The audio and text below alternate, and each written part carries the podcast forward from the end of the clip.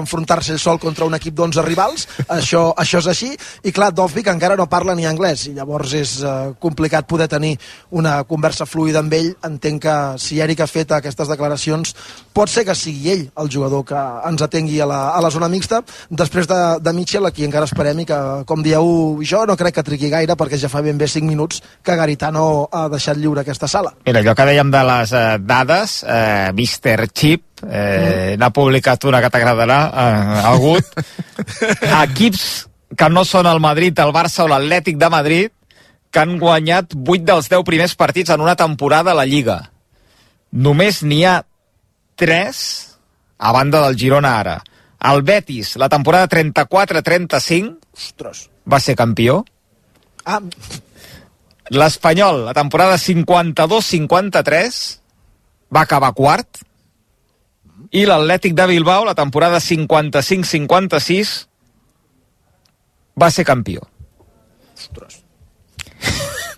No, no, les dades, clar, però és que, no, però és clar, que si estàs en que... números del Madrid i de l'Atlético i, i, i del Barça, si, si avui fa la feina l'equip de Xavi Hernández. A part de punts, Molló, eh, gols marcats, el Girona 24 hem dit?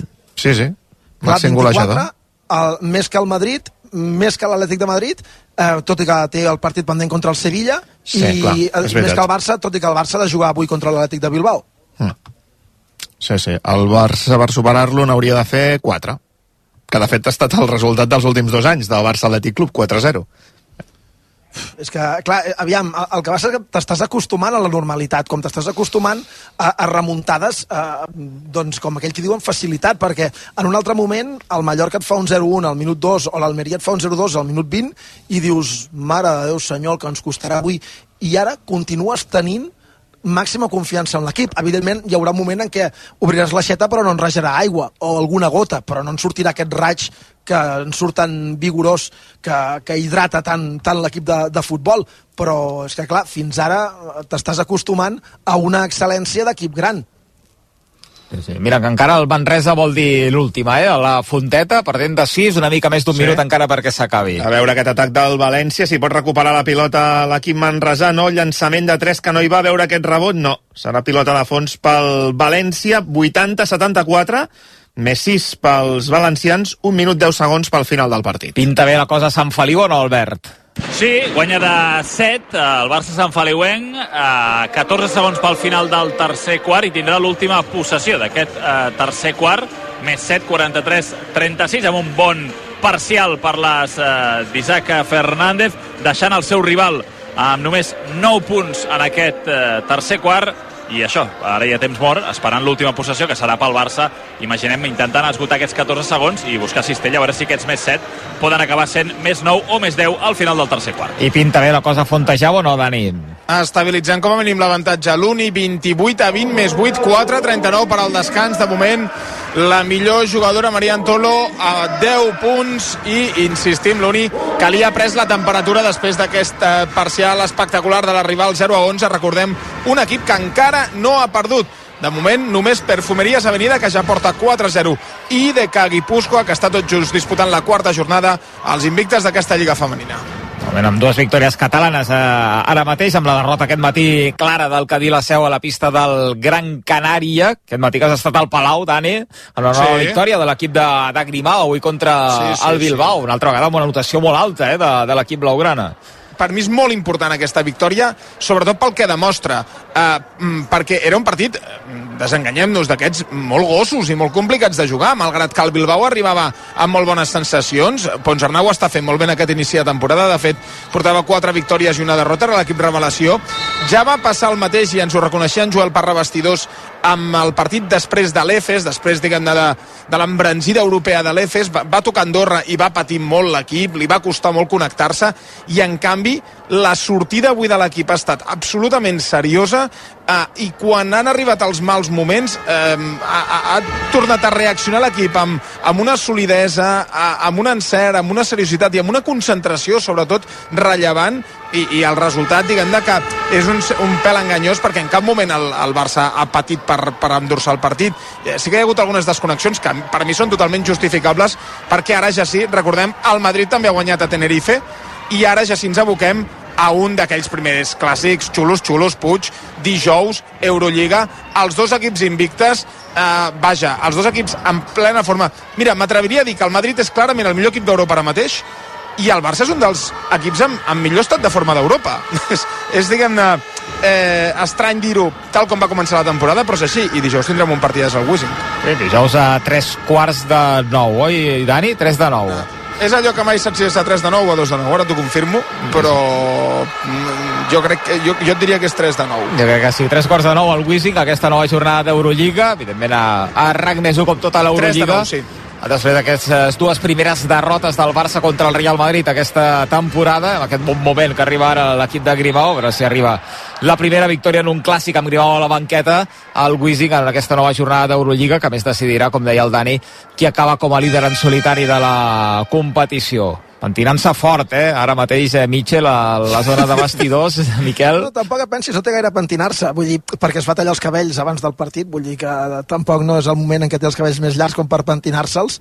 Uh, jo ara estava, estava rumiant-ho i no sé fins i tot si, clar, amb el tema de David López, que no hi hagi com una mica de, uh, de xerrada prèvia per saber quin missatge mm, donar, no? perquè no és una situació eh, en la qual es trobi gaire sovint Mitchell, les explicacions que hagi de donar després d'un partit. Per cert, escoltarem després a la zona mixta Miguel Gutiérrez eh, i no, no pas eh, ni Aleix, ni Eric, ni pas cap altre dels jugadors que de, havíem esmentat anteriorment. Dels que es pentinen també llarg, recordo algun precedent, Miquel. O sigui que, sí, de fet, ànims. Es, es, es pentina més llarg que parla, perquè després...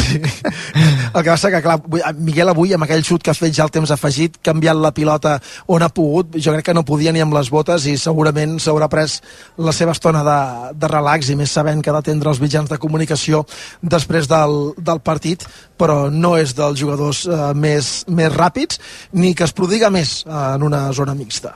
Tornem a Sant Feliu, Albert. Comença aquest eh, darrer quart, 45 a 36 més 9 pel Barça Sant Feliuenc, 9-27 pel final. I la dinàmica dels últims minuts, bé, de fet del tercer quart i d'aquest inici del darrer quart ens fa pensar que el Barça té la situació controlada, però són només 9 punts de diferència i per tant encara amb 9 minuts i mig per endavant tot pot pa passar. Amb eh, Carla Erjaveig, la balcànica, sens dubte la millor jugadora del partit, que està liderant aquest atac del Barça Sant Feliuenc. Ara toca defensa, hi ha un triple, un llançament exterior, la bola al cèrcol, el rebot ben controlat per Jolene Anderson.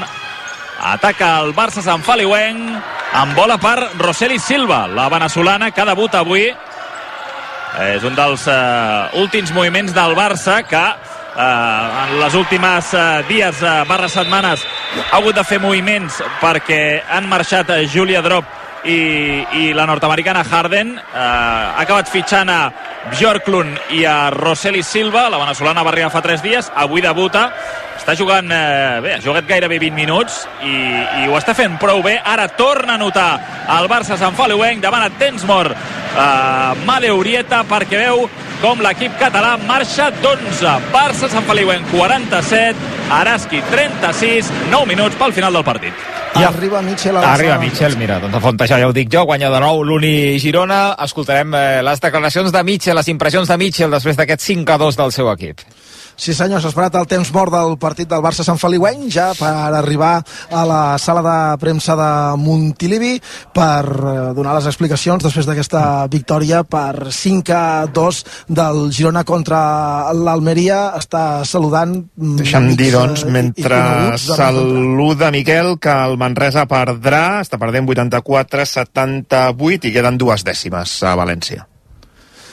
Doncs vinga, l'hauran d'arrencar de la conversa que mantingui, perquè si no, quan Michel es troba els amics, no el treus d'allà, vull dir, és com una ceba, que o, o l'arranques o, o no la treus. Final 84-79 I... a la Fonteta de fet l'està esperant el cap de comunicació del club, David Torres assegut a la cadira al costat eh, de, de, de, la, de la posició de, del tècnic. Hi ha una cadira buida eh, i quan arribava el, el David jo pensava que ja entrava Mitchell però encara està saludant algú eh, i haurem... és una mica com tu la redacció no Mitchell? Sí, exacte, eh, hagut exacte. Eh, aquesta Bé, romaguera que fins que arriba a la sala de reunions del programa eh, han passat ja 20 minuts. Vols dir que té molts amics no? ho, ho dius per això? Sí, Sí, sí, sí, per això ho deia, exactament. Sí, sí, sí. sí, sí, sí. Ara sí, sí, aquest, sí. ara saludo aquest, ara l'altre... Ostres, ara feia dies que no et veia.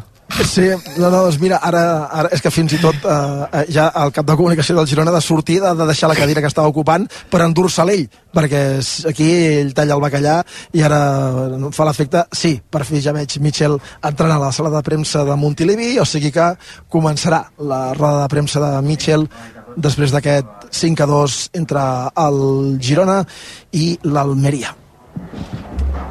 Hola Michel, bona tarda, Miquel Bona tarda. Eh, un parell, si m'ho permets, per començar, ens estem acostumant a les remuntades, no sé si això és bo o no, perquè implica que primer és de començar perdent, però després l'equip amb molta facilitat despatxa partits contra rivals de característiques molt diferents. S'ha repetit una mica el guió del Mallorca, encaixa molt d'hora i t'han sobrat minuts a la primera part.